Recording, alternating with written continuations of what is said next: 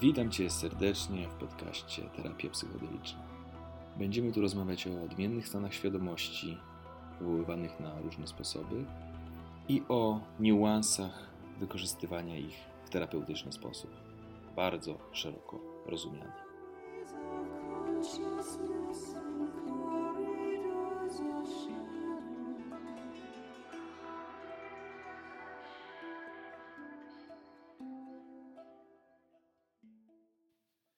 Dlaczego ludzie nie ufają odmiennym stanom świadomości? Witam Was serdecznie w pierwszym odcinku mojego podcastu, który nazywa się Terapia Psychodeliczna, natomiast będzie dotyczył terapeutycznego zastosowania wszelkich możliwych odmiennych stanów świadomości i wielokrotnie to w różnych odcinkach będę poruszał, ponieważ nie chciałbym w żadnym wypadku sprowadzać tych wszystkich możliwości, z tych wszystkich niezwykłych doświadczeń i metod jedynie do zażywania substancji chemicznych. Tytułowe pytanie oczywiście mm, może już u niektórych wywołać niezgodę, ponieważ wiele ludzi przecież ufa odmiennym stanom świadomości i szczerze mówiąc, gdybym wierzył, że tak zupełnie nie ufamy tym odmiennym stanom, to pewnie bym nie nagrywał tego podcastu, bo uznałbym, że nie znajdę y, słuchaczy, którzy będą w ogóle czymś takim zainteresowani. Oczywiście istnieją bardzo duże grupy ludzi zainteresowanych takim tematem i praktykującym różnego rodzaju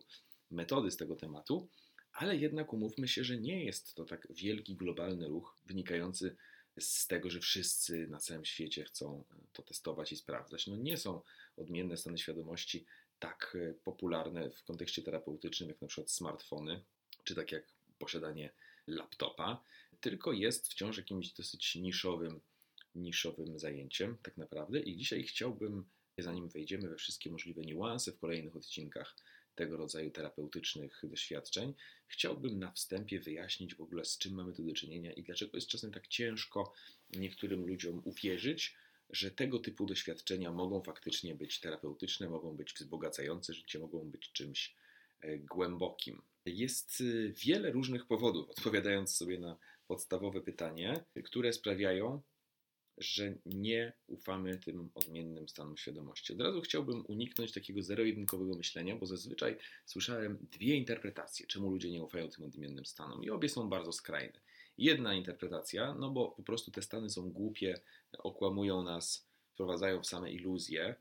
I tak naprawdę człowiek po doświadczeniu takich odmiennych stanów jest gorszy głupszy niż w rzeczywistości, więc bardzo dobrze, że nie ufają tym odmiennym stanom, bo to jest po prostu e, głupota w co oczywiście generalnie nie wierzę, skoro jak się domyślacie, nagrywam ten podcast. Natomiast druga przeciwstawna teoria jest taka bardziej spiskowa, czyli nie doświadczamy tych stanów, nie ufamy tym stanom, bo nas zmanipulowali, bo oni, te wszystkie rządy światowe, ci wszyscy, którzy sterują na tym światem, im zależy, żebyśmy my byli głupi i dlatego tak to zmanipulowali, pozakazywali, żebyśmy my nie mogli doświadczać tych odmiennych stanów e, świadomości.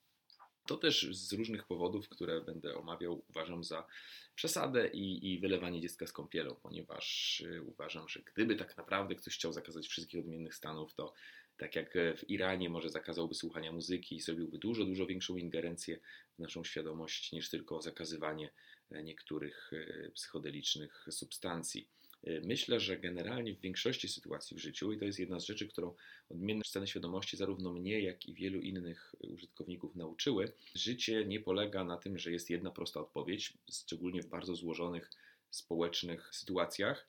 które sprawdzają się tylko, że w wielu krajach na świecie jest sytuacja dosyć podobna. Tylko zazwyczaj musimy uruchomić coś w rodzaju myślenia systemowego, czyli zrozumieć, że jest bardzo wiele różnych przyczyn, które sprawiają, że te odmienne stany świadomości mają nieraz złą reputację i poznanie tych różnych przyczyn i przeciwdziałanie tym różnym przyczynom może stopniowo, krok po kroku ich reputację poprawiać i uzmysławiać różnym ludziom, że mogą skorzystać coś przeżywając odmienne stany świadomości. Więc będziemy szukać sobie różnych przyczyn i prawdopodobnie właśnie dlatego, że się nagromadziło dużo różnych przyczyn, to mamy takie duże zjawisko związane z tym, że mogą to być bardzo lecznicze stany, bardzo terapeutyczne doświadczenie, a wciąż niektórzy ludzie będą uważali, że to jest zbyt proste lub zbyt głupie, żeby było prawdziwe. Zaczynając od pierwszego powodu, bo wynotowałem ich około 13. Pierwszy powód, dlaczego nie lubimy odmiennym stanów świadomości, jest taki po prostu, że są odmienne najzwyczajniej w świecie, żeby nie szukać za dużo komplikacji, a człowiek, Homo sapiens, jest z natury niezbyt dobrze nastawiony do odmienności. I możemy to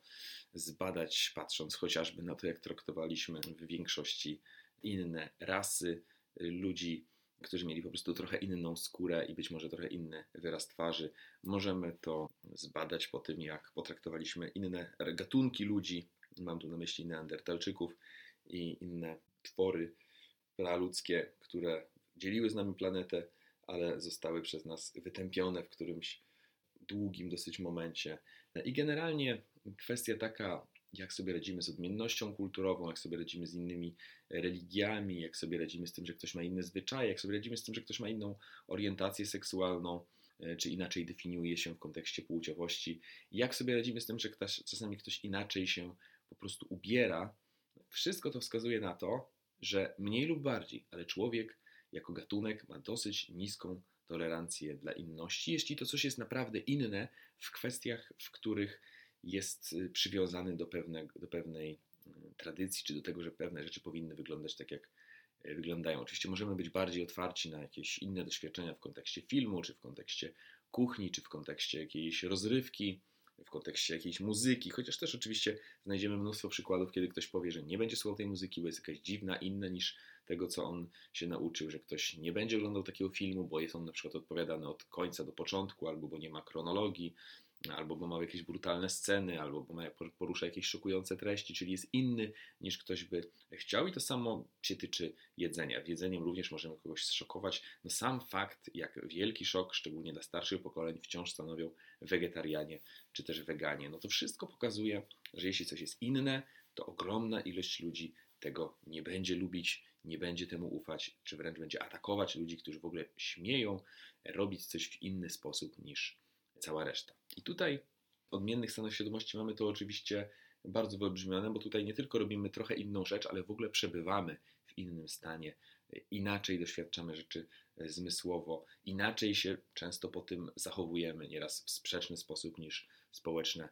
konwencje, nieraz w lepszy, nieraz w gorszy, żeby było jasne, zależy jak szeroką definicję odmiennych stanów świadomości przyjmiemy. Więc to wszystko sprawia, że skoro są to inne stany, no to już z natury dla wielu ludzi zapala się taka lampka ostrzegawcza i mówią oni, co miałbym wejść w odpowiedni i w inny stan, coś miałoby mi pomóc i do tego trzeba by było wejść w inny stan, trochę temu nie ufam. I to jest jeden taki e, podstawowy powód, dla którego możemy nie mieć takiej łatwości z wyjaśnieniem komuś, dlaczego to mogłoby mu pomóc. Druga sprawa jest taka, że przynajmniej w naszym kręgu kulturowym dosyć silną pozycję ma Kościół katolicki, w przeciwieństwie do wielu innych duchowych tradycji, w których na przykład dosyć jasno mówi się o tym, że odmienne stany świadomości mogą pomagać, na przykład w tradycjach szamańskich, y, na przykład w wszelkich jakichś naturalnych, leczniczych obrzędach, gdzie wszystkie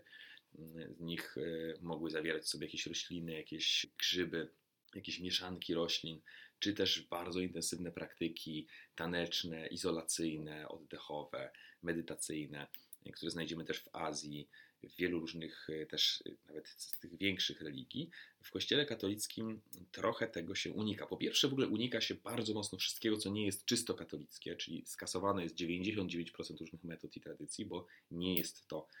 katolickie jest to uważane za coś, co można by nazwać jakimś okultyzmem, jakimś e, szamanizmem w złym znaczeniu tego słowa, herezją i wszystkimi rzeczami, które się kojarzą z czymś złym, czyli niekatolickim. Prócz tego sam katolicyzm sam w sobie, mimo tego, że gdzieś tam zawiera te elementy, on wspomina o tym, że Jezus głodował 40 dni na pustyni, on wspomina o objawieniu, które miał święty Paweł i wielu innych apostołów, czy mnóstwo postaci ze Starego Testamentu. On niby mówi o tym, mm, zachwala ojca Pio, który w odmiennych stanach świadomości dosyć sporo przebywał, związanych na przykład z izolacjami, z długimi modlitwami, z głodowaniem itd. Tak Te rzeczy niby gdzieś tam są, ale w praktyce dosyć mało się o nich mówi i dosyć mało się na nie zwraca uwagi. Prawdopodobnie mało który ksiądz mm, zachęcił nas, nawet już nie mówię o jakichś ayahuaskach y, południowoamerykańskich, ale o takich rzeczach, które gdzieś tam nawet w Biblii mają zastosowanie,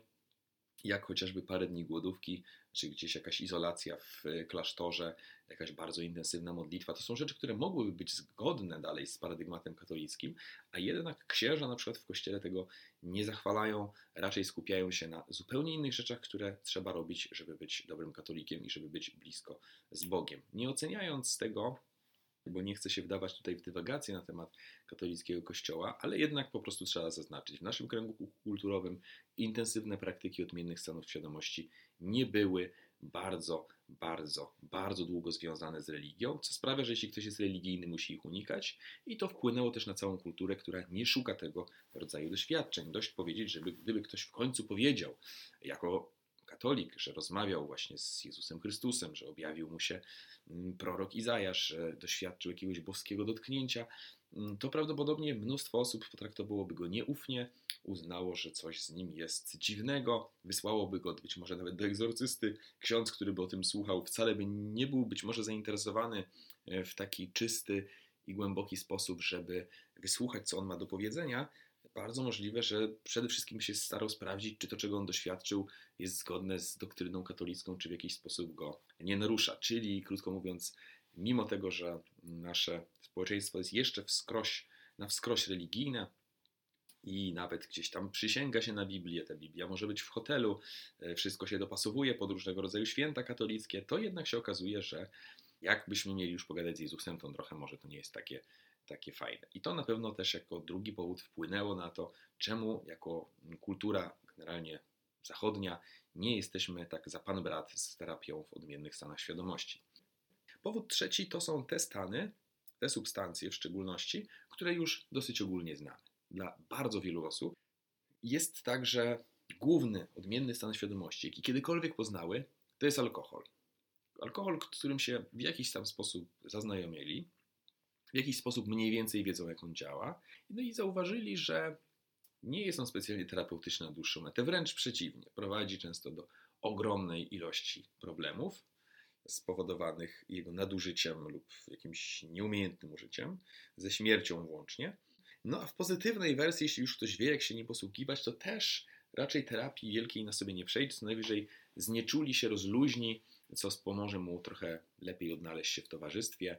być może nawiązać ciekawszą rozmowę, ale nie jest to doświadczenie terapeutyczne, więc zauważyłem, że mnóstwo osób, które kompletnie się nie interesowało odmiennymi stanami świadomości i uważało je za coś, czego po prostu oni nie są zainteresowani, nawet tacy, którzy są zainteresowani terapią, ale nie odmiennymi stanami świadomości, jakoś nakładają to doświadczenie alkoholowe na na inne możliwe odmienne stany i mówią, no co tam może być ciekawego, skoro alkohol działa tak i tak, no to jak bardzo może się to różnić od takiego alkoholu. Inna sprawa, jeśli mówimy o substancjach psychodelicznych,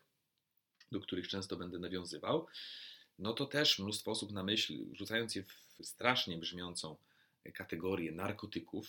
które dla większości osób gdzieś tam z dzieciństwa są skojarzone jako coś najgorszego i doprowadzającego do śmierci, również nie jest to pozytywne skojarzenie, to też, gdy myślimy o narkotykach, bardzo dużo osób wciąż jeszcze żyje tym reliktem, że narkotyki no to są takie doświadczenia jak w filmie Dzieci z dworca Zo, czyli przyjemność, która trwa przez chwilę, totalne znieczulenie, zobojętnienie na świat zewnętrzny, no i później oczywiście coraz większe związane z tym problemy, których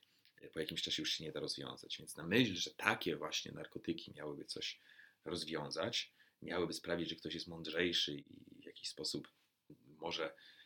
dostrzec swoje własne problemy, no brzmi jak kompletnie absurdalna rzecz. Trzecia substancja,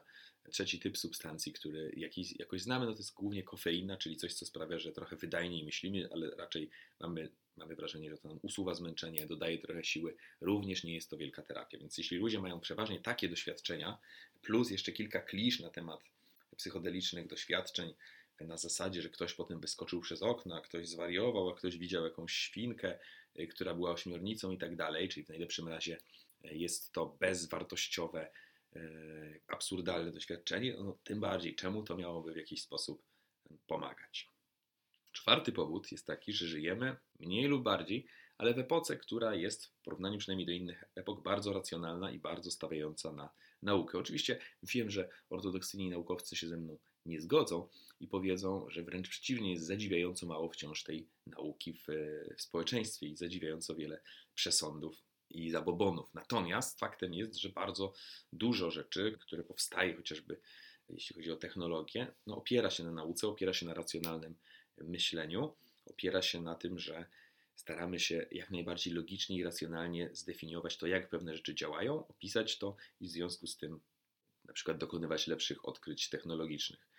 Więc stąd jest pewne nieświadome założenie, że wszelkie rzeczy, które są wartościowe, muszą opierać się na podobnej strukturze jak nauka, czyli muszą być bardzo logiczne.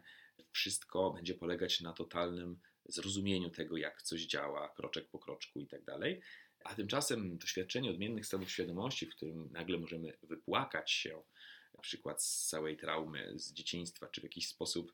przeżyć doświadczenie transpersonalne, w którym pojawia się albo ktoś z naszej dalekiej rodziny, albo jakiegoś rodzaju archetypowa postać i daje nam jakieś uosobienie pewnej mocy, przekazuje nam wskazówki, jak sobie poradzić z jakimś doświadczeniem, no brzmi to dziwnie w kontekście społeczeństwa, które jest bardzo naukowe. I ten racjonalizm, który mocno się wkradł w naszą naukę, opiera się też tutaj na takiej pułapce pretrans, czyli że ponieważ rzeczy, które uważa się za przednaukowe, były po prostu zestawem zabobonów i często bardzo szkodliwych, tak jak chociażby był czas, kiedy ludzie truli się arszenikiem, myśląc, że to im pomaga, czy robili mnóstwo innych szkodliwych rzeczy, myśląc, że to jest rozsądne. Dopiero nauka wskazała, że wiele z tych rzeczy jest głupich po prostu i absurdalnych i szkodliwych i że nie znali ludzie wystarczająco tego, jak działa świat.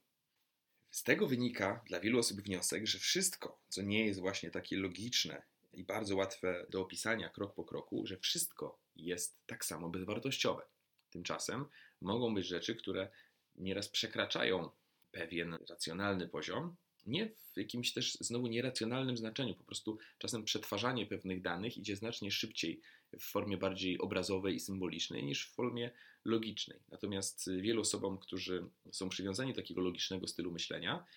będzie się wydawać, że wszystko, co nie jest w pełni logiczne, tylko jest właśnie bardziej intuicyjne, obrazowe, związane z ciałem, emocjami, że wszystko jest tak samo bezwartościowe i że jedyne, co może prowadzić do sukcesu, to logika, logiczne myślenie i coś, co jest całkowicie w każdej chwili zrozumiałe. I tu się wkrada tak zwane mityczne myślenie, czyli z jednej strony oczywiście mnóstwo osób tak zwanych, uprośćmy to, intuicyjnych, będzie uważać, że nauka jest zła, że nauka kłamie, że logika to jest upraszczanie życia nadmierne i to jest wyzucie się z wszelkich emocji i tak dalej, co wszystko to nie jest prawdą. Logika jest po prostu równoległym wymiarem od wymiaru uczuciowego. No i niestety podobne, podobne mityczne myślenie charakteryzuje również tych wszystkich ludzi uważających się, może, przepraszam, nie wszystkich, nie wszystkich, bo na pewno są wyjątki, natomiast mnóstwo osób, które uważa się za takich właśnie racjonalnych, myślących naukowo, myślących logicznie, uważających się za właśnie takich logicznych, rozsądnych ludzi, będzie traktować pewne zjawiska automatycznie jako właśnie zabobonne i głupie. I bardzo często będzie je traktować tak słusznie, ale nieraz wylewanie dziecka z kąpielą będzie się objawiać w ten sposób, że również procesy, które mogą po jakimś czasie okazać się, że wbrew pozorom są niesamowicie logiczne, tylko ich logika jest tak szybka i tak e, obrazowa, że nie rzuca się w oczy na, na pierwszy rzut oka. No i wtedy to wylanie dziecka z kąpielą się okazuje, że było trochę na wyrost. Przykładem takim najprostszym może być terapeutyczna technika pracy z wewnętrznym dzieckiem, w której wyobrażamy sobie, że na przykład jesteśmy dorosłym, który w naszym dzieci, wchodzi do naszego dzieciństwa i pomaga temu dziecku wewnętrznemu, które mamy, które w jakiejś sytuacji się nacierpiało. I jakkolwiek jest to być może ładna metafora, no to stoi za tym mnóstwo logiki, intuicyjnej być może wiedzy tego, kto to wymyślał, na temat działania mózgu, na temat tego, że mamy jedną część dziecięcą, która jest pozbawiona zasobów, i mamy drugą część dorosłą, która ma te zasoby, i naszym celem jest połączyć jedną część mózgu z drugą. Gdybyśmy umieli robić tego rodzaju błyskawiczne operacje na mózgu, to pewnie byśmy robili, ale nie umiemy. Potrzebujemy obrazowych, często metafor związanych z tym, że ktoś wchodzi do pokoju tego dziecka i je przytula, po to, żeby połączyć tak naprawdę zasoby dwóch części mózgu i żeby później to wewnętrzne dziecko, ta część mózgu, inaczej mówiąc, mogła się aktywować już z tym zasobem, z, jakąś, z jakimś rodzajem troski, z jakimś rodzajem siły. W ten sposób zmieniamy mózg tak naprawdę, korzystamy z neuroplastyczności. Natomiast z boku może wyglądać, że a taka prosta technika, ktoś sobie po prostu tam wyobraził, że wszedł do swojego dzieciństwa. I wyobraźmy sobie, że terapia w odmiennych stanach świadomości jest jeszcze bardziej obrazowa, co w związku z tym sprawia, że może tam zachodzić jeszcze więcej bardzo skomplikowanych emocjonalno-psychicznych procesów. Jeśli o tym nie wiemy, i myślimy, że po prostu ktoś leży, ma wizję i wydaje mu się, że mu to pomaga, no to będziemy to traktować jako kolejny przejaw jakiegoś zabobonu. I tyle. Podczas gdy jest to dużo, dużo często bardziej skomplikowane. I przeskakując do kolejnego punktu związanego z procedurami, mamy wrażenie często, że większe cele i trudniejsze zadania można wykonywać tylko przez ciąg skomplikowanych i zaplanowanych procedur. No tak się na przykład zakłada chociażby firmę, tak się organizuje eventy, tak się zdobywa też na przykład formę w sporcie, że trzeba przez długi czas wykonywać systematycznie, starannie zaplanowane treningi. I myśl o tym, że ktoś po prostu może na przykład położyć się na sesji z psylocybinowymi grzebami i poddać się wizjom, które nie są wcale zaplanowane, one przychodzą często dość chaotycznie i bywają nawet nieraz trochę niezrozumiałe, no wydaje się komuś, że nie, no, że tak się nie da, bo to omija wszelkie procedury i proceduralny sposób działania, do jakiego jesteśmy przyzwyczajeni. Czy wizja tego, że ktoś podczas medytacji zalewa go białe światło i gdzieś w sercu czuje ciepło, rozróżniają mu się mięśnie, od tej pory ta osoba staje się trochę mniej e, konfliktowa. No to wszystko się wydaje takie proste, że takie, jakieś takie omijające logikę, omijające sposób myślenia, do jakiego jesteśmy przyzwyczajeni. I czasem oczywiście nie da się tych procedur ominąć, a czasami, czasami się da, więc warto pomyśleć o tym, że nie wszystko i nie zawsze w taki sposób musi się wydarzyć. Szczególnie mówimy tu o rzeczach związanych z emocjami, które jak wiadomo kierują się swoimi prawami, na przykład w kontekście seksualnym nieraz jeden ruch czy jeden gest może wywołać dużo większą reakcję niż jakaś starannie zaplanowana procedura, bo po prostu mówimy o emocjach i podobnie będzie w terapii emocji po prostu, że nie zawsze konkretna jakaś przemyślana procedura będzie istotna, tylko wykorzystanie akurat tego uczucia, które się w danym kontekście pojawia. Może być dosyć podobnie e, też e, z ciałem e, i z rozluźnianiem jakichś blokad w ciele związanych z napiętymi mięśniami. Także nie zawsze trzeba do wszystkiego procedur, chociaż one się przydają i te procedury paradoksalnie są na przykład w terapiach psychodelicznych i są, i są związane z tym, jak są planowane te sesje, jakie są planowane sesje przygotowujące, jak są planowane sesje integracyjne, w których omawiamy te wszystkie doświadczenia. Musi być ten element procedury w terapii. I dlatego też często samo eksperymentowanie z odmiennymi stanami świadomości ma ograniczoną skuteczność. Nie mówię, że nie ma żadnej, bo to po pierwsze zależy bardzo od człowieka, od przypadku e, i od tego, co co to znaczy, że nie ma żadnej, no może mieć 10% tej skuteczności w jakimś przypadku. Natomiast dopiero w zetknięciu z y, takim bardziej zaplanowanym, proceduralnym myśleniem, te odmienne stany pokazują pełnię swoich możliwości. Więc to też warto wziąć pod uwagę, że w tym punkcie pewna prawda jest i dlatego te procedury i tą przemyślaną planowość dodajemy na etapie planowania terapii. Natomiast samo doświadczenie nie musi być proceduralne. Jeśli się zgodzimy, że pewne doświadczenie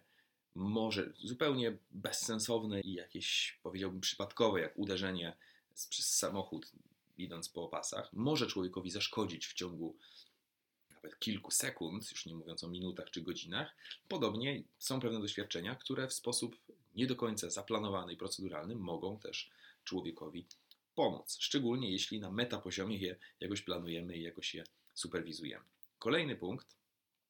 to jest taki, że bardzo wiele osób uważa, że te wszystkie odmienne stany świadomości, o których się mówi, niezależnie czy mówimy o znowu o oddechu, o głodówkach, deprywacjach sensorycznych, jakichś rytuałach, no czy też o substancjach psychodelicznych,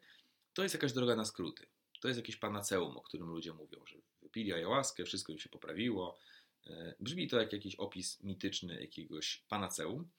a w związku z tym doświadczeni ludzie wiedzą, że takie rzeczy nie istnieją że cudowne rozwiązania na wszystko nie istnieją, więc odrzucają po prostu to na wstępnym etapie.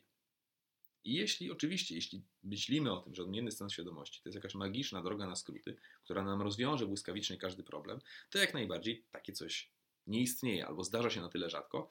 że nie można tego traktować jakoś super poważnie. Raczej jest to coś, co się zdarza wybitnie wyjątkowo. Jeśli mówimy o tak ekstremalnej drodze na skróty. I oczywiście, gdy pytano jednego z terapeutów, co on sądzi o ayahuasce, jednego z polskich y, dosyć znanych terapeutów, no to on odpowiedział, że on już słyszał takie właśnie cudowne teorie na temat LSD w latach 70., potem i bogainy w latach 90., więc on wie, że tak samo będzie też z tą ayahuaską. I o ile trzeba mu przyznać rację w tym kontekście, że nie jest to panaceum na wszystkie możliwe problemy, co więcej, jak wspomnę później, jest to substancja, która wielu ludziom może zaszkodzić, dlatego na pewno nie można nakłaniać wszystkich do jej zażywania. Może też nawet zabić w niektórych przypadkach,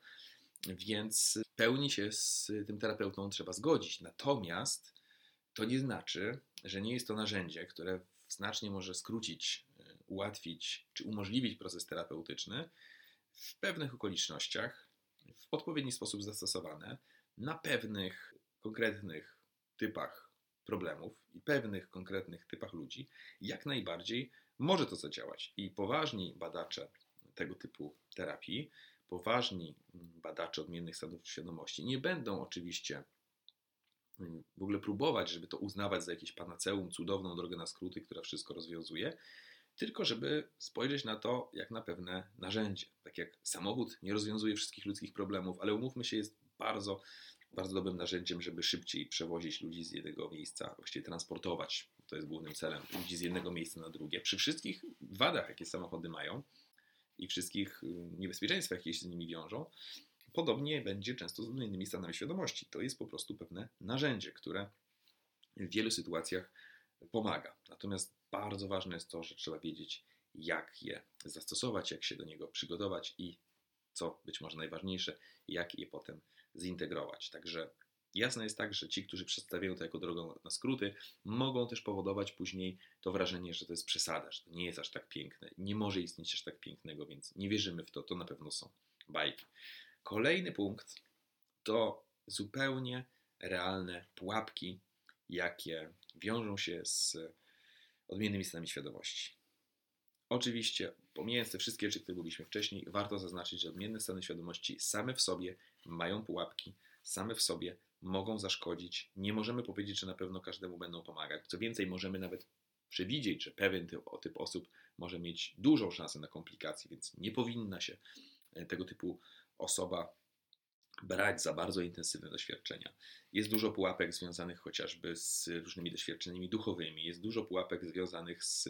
tym, o czym wspomniałem wcześniej, czyli pretrans, czyli myleniem czegoś, co jest powyżej racjonalnego poziomu, czy też powyżej jakiegoś standardu, jaki znamy w społeczeństwie, a co jest poniżej tego standardu. Pewnie też y, kiedyś y, nagram przynajmniej jeden odcinek. Jest dużo pułapek, jeśli chodzi o prowadzenie takich spotkań dużo, dużo rzeczy, które też spokojnie warto w innym odcinku rozwinąć, bo nieraz gdy nagrywałem tego typu transmisje na Facebooku, no to one zajmowały po półtorej, po dwie godziny na temat samych pułapek. I to i tak był tylko skrót i przelecenie przez wszystkie możliwe, także na razie nie będę tego tematu rozwijał. Natomiast dodam, czemu nie ufam odmiennym stanom świadomości, bo są w nich pewne pułapki. I jeśli poznaliśmy kogoś, kto się złapał na te pułapki, to prawdopodobnie tym bardziej nie będziemy zainteresowani powtarzaniem jego błędów. A jeśli boimy się, że wejdziemy w jakąś pułapkę, to również tym bardziej nie będziemy zainteresowani wchodzeniem w tego typu doświadczenia.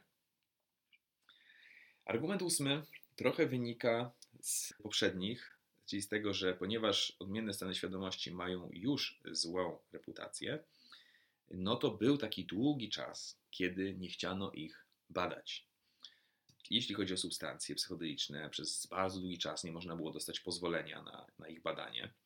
Jeśli chodzi o inne tego typu rzeczy, no to też wcale nie było łatwiej. Wiem, że ktoś, kto chciał przebadać oddychanie holotropowe, na przykład na polskim uniwersytecie w ramach doktoratu, był od tego dosyć brutalnie odwodzony. Na zasadzie, że to są jakieś dziwne rzeczy, właśnie jakieś odmienne stany, jakieś szamanizmy, jakieś nie wiadomo co. Więc nie zgadzamy się na po prostu prowadzenie doktoratu w tym właśnie temacie co prowadzi do tak zwanego już masła maślanego, czy też paragrafu 22. Nie ufamy tym stanom, bo nie są zbadane, ale nie badamy ich, bo im nie ufamy,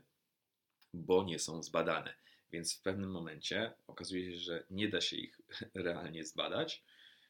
więc nie można im zaufać po prostu na stałe. Na szczęście oczywiście ktoś gdzieś tam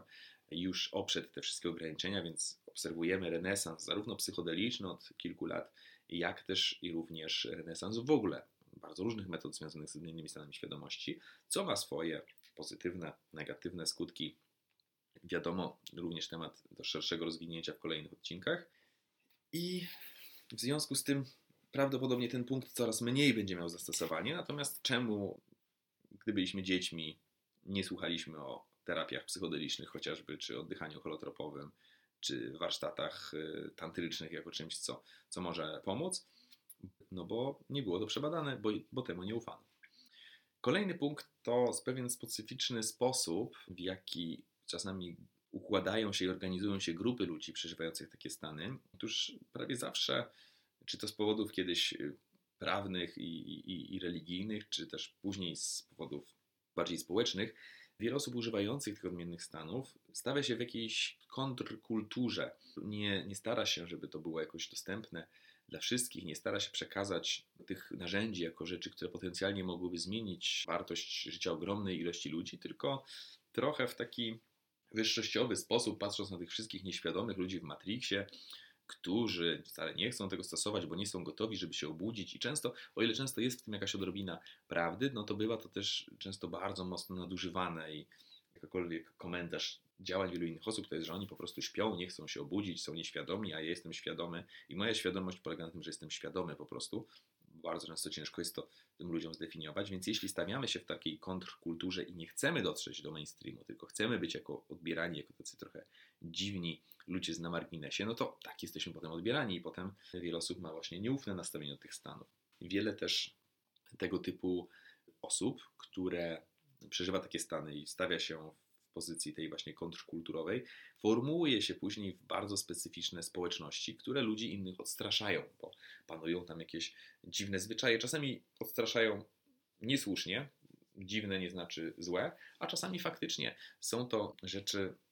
w jakiś sposób trochę przesadzone. Na przykład ktoś opowiadał mi, że wszedł do takiego, do takiego miejsca i od razu wszyscy się na niego patrzyli i utrzymywali bardzo długi kontakt wzrokowy, a gdy on go zrywał, bo po prostu nie czuł się z tym komfortowo, no to już to było komentowane, że jest poblokowany i że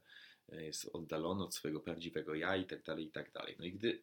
odpowiednio dużo osób będzie się tak zachowywać, gdy odpowiednio dużo osób wejdzie w tego rodzaju tożsamość i będzie tworzyć tego rodzaju społeczności, no to nie ma się co dziwić, że inni ludzie często tak zwani bardziej normalni, zarówno w pozytywnym, jak i negatywnym znaczeniu tego słowa, będą po prostu odstraszani. Że jeśli nie będziemy pokazywać, że ludzie, którzy dość często czy rzadziej używają odmiennych stanów świadomości w celach terapeutycznych, że jeśli ci ludzie też są normalni, naturalni i nie muszą wcale się dziwnie zachowywać, odzywać i patrzeć i ubierać, no to dopóki tego nie będziemy prezentować w taki bardziej normalny sposób, dopóty dla wielu osób to będzie jakaś taka awangarda, tylko nie wiem, czy to jest odpowiednie słowo, bo awangarda też może się kojarzyć z czymś jednoznacznie dobrym, tylko nie do końca zrozumianym. To będzie coś na marginesie, może w tym sensie. I tutaj duża waga jest po stronie tego, czy społeczeństwo ludzi przeżywających te odmienne stany będzie w stanie w jakiś sposób wyjść poza te swoje ograniczenia i poza swoją bańkę i poza tworzenie jakichś takich bardzo specyficznych społeczności. Punkt dziesiąty, no to jest po prostu wina wielu ludzi, którzy korzystają z zmiennych stanów i którzy albo nie wiedzieli, jak to robić na różnych poziomach, czyli nie wiedzieli, jak to robić, jak się do tego przygotować, kto nie powinien w ogóle tego robić, w jakich okolicznościach, nie wiedzieli, jak to integrować, więc narobili sobie kłopotów i my widzimy wtedy tych ludzi i mówimy, nie ma opcji, nie chcę taki być. I bardzo często jest, też, jest tam też taki temat, że oni nie umieją wyjaśnić, bo nieraz wyjaśnienie całego spektrum doświadczenia w odmiennym stanie świadomości to jest zadanie dla dobrego pisarza, dla e, bardzo doświadczonego psychologa lub psychoterapeuty, dla jakichś wielkich myślicieli, którzy wtedy jakoś udaje im się ubrać w słowa jakieś takie potężne doświadczenie, które wstrząsnęło czymś światopoglądem. Natomiast jeśli nie umiemy się ładnie wypowiedzieć, to nieraz będziemy opierać się na jakichś uproszczeniach, banałach. Też będzie tak, że osoba, która opowiada o swoim doświadczeniu, odmiennym stanie świadomości, będzie na niższym poziomie intelektualnym czy wiedzy od osoby, której o to opowiada, więc ta druga osoba będzie patrzeć z niedowierzaniem, no bo jemu to niby miało pomóc, kiedy on nie umie się wysłowić, nie umie nawet powiedzieć, co mu pomogło, nie umie powiedzieć słowami jasno, co, co przeżył i jak to do końca na niego wpłynęło. Więc bardzo często rzutowanie też swoich własnych cech czy czyichś i łączenie ich z tym, czy ktoś spróbował tego doświadczenia, czy nie, będzie prowadzić do tego, że możemy uważać, że jestem mądrzejszy od tej osoby i skoro ona twierdzi, że, że, że to jej tak pomaga i to jej daje dużo mądrości, a widzę, że ewidentnie, że, że ta osoba jest na przykład mniej rozwinięta pod jakimś kątem, no to nie będę z tego korzystał. I tu zapominamy o tym, że tak naprawdę nadal może być tak, że dana osoba mniej wie w danym temacie, a jednak jej to pomogło. Jeśli mamy, powiedzmy, doświadczonego psychologa i mamy nastolatka, który powie, że po kilku jakichś przeżyciach odmiennych stanów świadomości zrozumiał bardzo dużo na temat ludzkiej psychologii i tego, jak się ludzie zachowują, dlaczego, no to ten psycholog powie, ten dzieciak nic tak naprawdę nie wie, czyli gada bzdury. Tymczasem pomijamy to, że z jakiego poziomu ktoś startował, że, że dla tego osiemnastolatka to może być faktycznie jakiś wielki skok, jeśli chodzi o pewne umiejętności, zrozumienie pewnych procesów. Przy czym, ponieważ startował on z dosyć niskiego pułapu, no to nie można jego umiejętności porównywać z umiejętnościami przykład doświadczonego terapeuty. Pozostaje tutaj po prostu pytanie, co zrobiłby ten terapeuta w takim stanie, jak jego wiedza, którą już ma sporą, zostałaby jeszcze uwydatniona przez tego typu na przykład doświadczenie. Porównując to tylko do tych tematów rozumienia większego psychologii. Więc to też jest taka ciekawa pułapka, że nie zauważamy, że niby mogło to być może pomóc jeszcze bardziej, skoro ja już mam jakąś wiedzę w tym temacie, tylko porównujemy to do osoby, która dalej wie niewiele, więc stwierdzamy, że te rzeczy na pewno wiele jej dać nie mogą. I wiele tych rzeczy jest naprawdę, które przeżywa się w odmiennych stanach świadomości, trudnych do wyjaśnienia i tacy badacze jak chociażby, czy to Groff w kontekście psychologii, czy to, czy to Robert Anton Wilson w kontekście opisów tego, jak działają tunele rzeczywistości, czy to wielu różnych nauczycieli duchowych w trudnych i karkołomnych opisach tego, czym są doświadczenia mistyczne, naprawdę muszą się mocno nagimnastykować, by wyjaśnić pewne sprzeczności, pewne paradoksy, pewne wieloznaczności, pewne wielowymiarowości, które się dzieją w takich doświadczeniach. A co, a co dopiero z osobą, która nie ma takich zdolności jak oni, albo wręcz przeciwnie, wręcz y, skrajnie jest po prostu jeszcze y, młodym człowiekiem, który na przykład nawet powiedzmy poniżej przeciętnej potrafi się wypowiadać i, barwnie opisywać pewne złożone zjawiska. To nie zmienia faktu, że jemu to może bardzo pomóc, tylko on później nie będzie umiał tego wyjaśnić. A ponieważ już niektórzy mają negatywne nastawienie do tych odmiennych stanów, to będą jego brak umiejętności wyjaśnienia interpretować również w kontekście tego, że widocznie to mu nie pomogło, a może mu nawet zaszkodziło i tak dalej, i tak dalej. Też również wiele takich osób, które korzystają z tego typu doświadczeń, może nie wiedzieć, że to nie jest magiczna pigułka i panaceum, o czym mówiliśmy wcześniej, więc oni sami mogą to tak przedstawiać, że to im pomogło i że to jest klucz do tego, żeby na przykład wszyscy na świecie byli szczęśliwi. No i widząc tego typu uproszczone komentarze, stwierdzamy, nie, to jest przesada. Na pewno to nie jest klucz do tego, żeby wszyscy byli szczęśliwi, więc to na pewno nie działa, więc to na pewno przeszkadza i tak dalej. Kolejne rzeczy to jest ten słynny temat rządu, rządów światowych, bo to również musiałyby być wiele rządów, skoro nie w jednym kraju te rzeczy e, nie są jakoś szeroko dostępne, tylko w bardzo, bardzo wielu. I czy rządy na pewno chcą, żebyśmy my byli głupi i nieświadomi? Na pewno trochę tak, żeby było jasne. Na pewno by trochę chcieli. Natomiast trzeba pamiętać, że rządy mają też dobrą intencję, nie tyle w znaczeniu dobrą, w znaczeniu empatycznym, bo powiedzmy aż tak naiwny nie jestem, żeby wierzyć, że rządy mają jakąś szczególnie dobrą intencję dla swoich obywateli, ale dobrą w kontekście, że nie chcą kłopotów, nie chcą bałaganu, nie chcą komplikacji, nie chcą dodatkowych jakichś afer, które przyciągają uwagę mediów i tak dalej. Stąd na przykład rząd też chociażby walczy z bardzo niebezpiecznymi narkotykami, po których umierają dzieci na ulicy, o jakich często może słyszeliśmy kiedyś na jakichś dyskotekach i tak zwanych słynnych pigułkach UFO, które działały po dłuższym czasie, więc ktoś myśląc, że nie działają, wrzucał kolejną i kolejną, a potem umierał. I rządy też dbają o to, żeby takich rzeczy nie było, zamykają wtedy sprzedawców, takich specyfików i tak dalej, i tak dalej, więc nie patrzmy na ich działania tylko jako na y, czyste, absolutne zło, tylko na jakiś pragmatyzm, one się kierują szczególnie własną korzyścią. I oczywiście, gdyby mm, substancje na przykład psychodeliczne były ogólno dostępne w każdym sklepie, tak jak jest do sklepu dostępne piwo, to bardzo możliwe, że mielibyśmy, szczególnie, że wiele osób by to łączyło na pewno z tym piwem, nie wszyscy by tego używali w tak rozsądny sposób, w jak rozsądny starają się przynajmniej używać ludzie, którzy są w tej kontrkulturze, no to byłoby po prostu mnóstwo kolejnych jakichś wielkich problemów związanych z jakimś zakłócaniem porządku publicznego, być może z samobójstwami itd., tak itd. Tak nie mówię tu znowu, żeby było jasne, nie chcę demonizować samych tych substancji. Chcę podkreślić, że ich użycie w nieświadomy sposób, w bardzo nieterapeutycznym kontekście, w połączeniu z ilością alkoholu, przy pewnej ilości milionów ludzi, którzy by to robili, na pewno spowodowałoby jakieś konsekwencje. I nie ma to nic wspólnego z tym, że nie można tego zrobić w wersji terapeutycznej dużo, dużo bezpieczniej. Więc jak najbardziej ten argument też jest istotny, mniej więcej tak samo istotny jak oczywiście to, że ludzie pod wpływem takich stanów często zauważają absurdy w jakimś myśleniu panującym społeczeństwie, mogą protestować przeciwko wojnie, tak jak to było z Wietnamem w latach 60. i oczywiście może wzrosnąć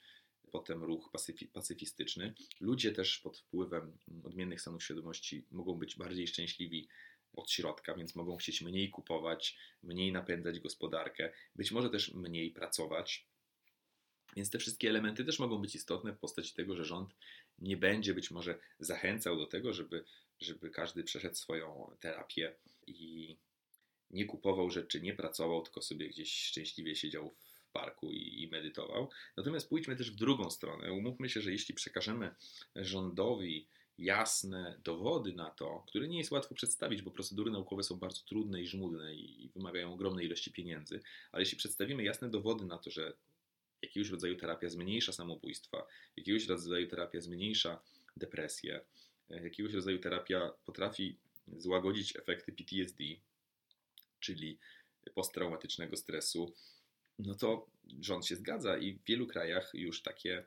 przyzwolenie chociażby na terapie psychodeliczne powstały, czy to w postaci badań, czy to w postaci już w ogóle delegalizacji całych środków i pozwolenia ludziom, żeby z nich korzystać, więc to by było dziwne, że, że wszystkie prawie rządy są złe, ale na przykład rząd na Jamajce czy na Bahamach jest dobry, bo tam na przykład można korzystać z psylocybinowych grzybów, czy rząd w Oregonie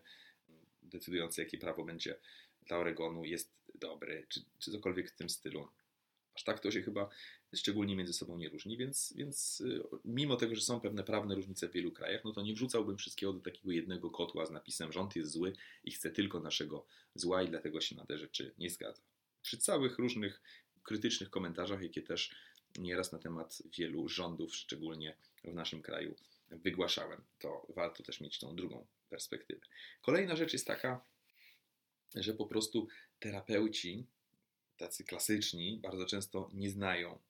tych odmiennych stanów świadomości. Również wynika to z tego paragrafu 22, czyli przez długi czas nie było badane, bo nie było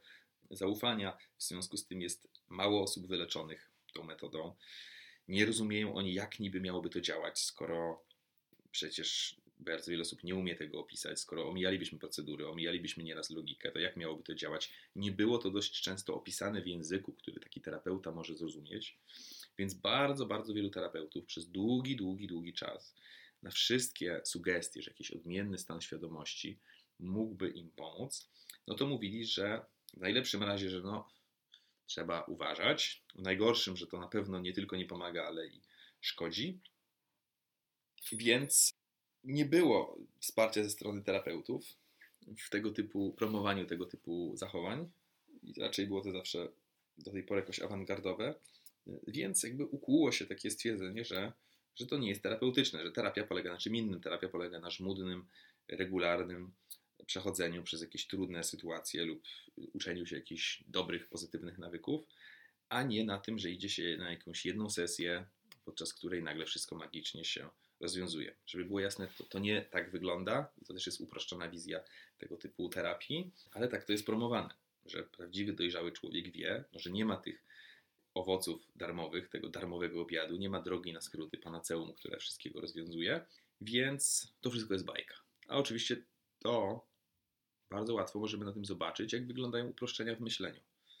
I jak pewne zjawiska społeczne, jak na przykład brak badań długi na temat tego typu stanów, jak generuje kolejne uprzedzenia, jak generuje bańki, w których żyjemy. Skoro taki terapeuta no nie widział nigdy osoby,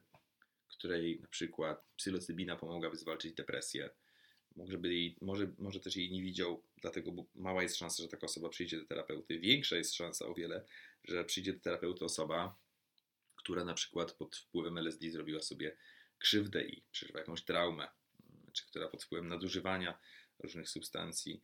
dokopała się do stanów lękowych i tak dalej, czy dokopała się nawet do depresji, to jest większa szansa, że taki terapeuta się z tym spotka. Więc jeśli tak, no to możemy mieć już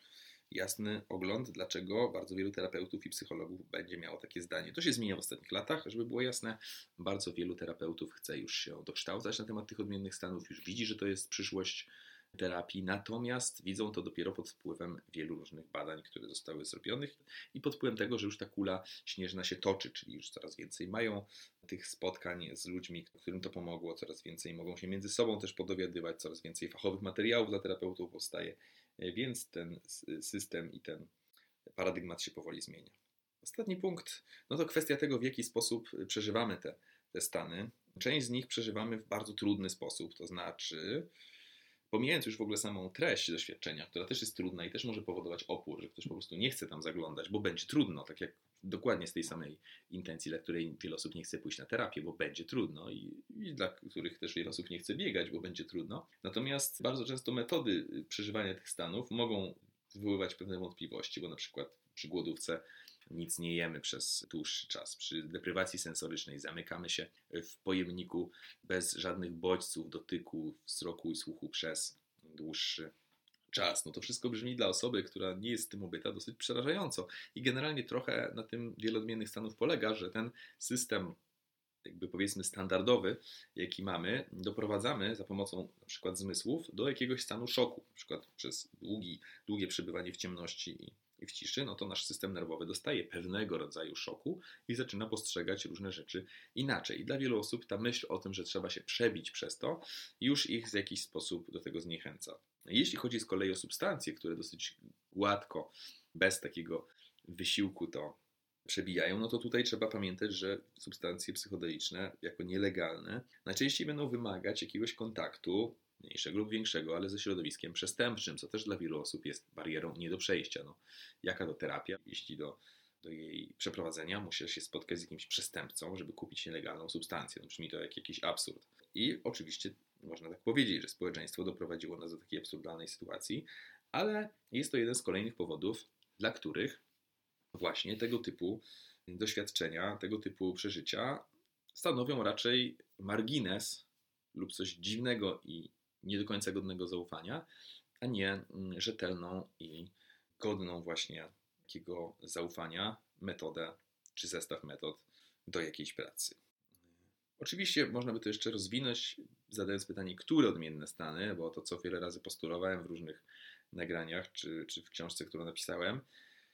są różne odmienne stany świadomości i na pewne wiele osób będzie miało duży dystans do nich, i duży opór przed nimi, a na pewne nagle stwierdzamy, że to już jest ok. Jeśli ktoś opowiada, jak miał niezwykłe stany świadomości, na przykład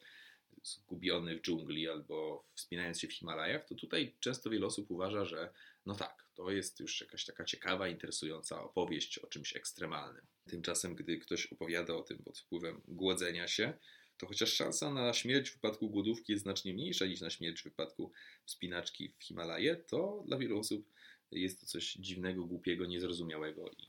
i wcale nie chcą tego słuchać. Natomiast są różne inne stany, zarówno bardzo potężne i głębokie, jakie możemy mieć podczas nurkowania azotowego, jakichś bardzo dalekich i intensywnych podróży, właśnie wspinaczki, ale też w różnych specyficznych momentach życiowych, na przykład gdy rodzi nam się dziecko, i wtedy nagle możemy stwierdzić, że, że, ten stan świadomości warto zbadać i to jest interesujące, co ktoś opowiada o takich rzeczach, lub też wszelkiego rodzaju łagodne, odmienne stany świadomości, w których moim zdaniem ludzie przebywają bardzo często, oglądając często filmy, czytając książki, spotykając się z innymi, zakochując się. Te wszystkie rzeczy się dzieją w naszym życiu, tylko że często nie wrzucamy ich do wora odmienne stany świadomości, więc nie zauważamy, że w różnych odmiennych stanach już byliśmy bardzo długo i część z nich nam pomogła, część z nich nie pomogła, była tylko chwilową rozrywką, część z nich nam mogła zaszkodzić. I rozróżnienie między tymi trzema rzeczami, no to będzie w dużej mierze temat całego tego podcastu i co zrobić, żeby bardziej te rzeczy nam pomagały niż przeszkadzały. Natomiast to o tym porozmawiam z Wami w następnym odcinku. Dziękuję Wam za uwagę, jeśli tego wysłuchaliście. I jeśli macie jakieś pomysły, o czym byście chcieli kolejne z odcinków, no to dawajcie mi znać. Postaram się jak najbardziej Wasze potrzeby uwzględnić. Za jakiś czas powstanie też konto na Patronajcie, na które jeśli moja praca Wam się podoba, bardzo zachęcam, żebyście w jakiś sposób mnie wsparli. Wtedy będę mógł nagrywać te odcinki trochę częściej, ale wszystko oczywiście w zależności od tego, na ile to czujecie. Będę zadowolony, jeśli po prostu będziecie tych odcinków słuchać. Także tyle na dzisiaj. Mam nadzieję, że w jakiś sposób rozjaśniło Wam to całą złożoną specyfikę tego, czemu nie ufamy odmiennym stanom świadomości. I do zobaczenia już niedługo przy kolejnych tematach.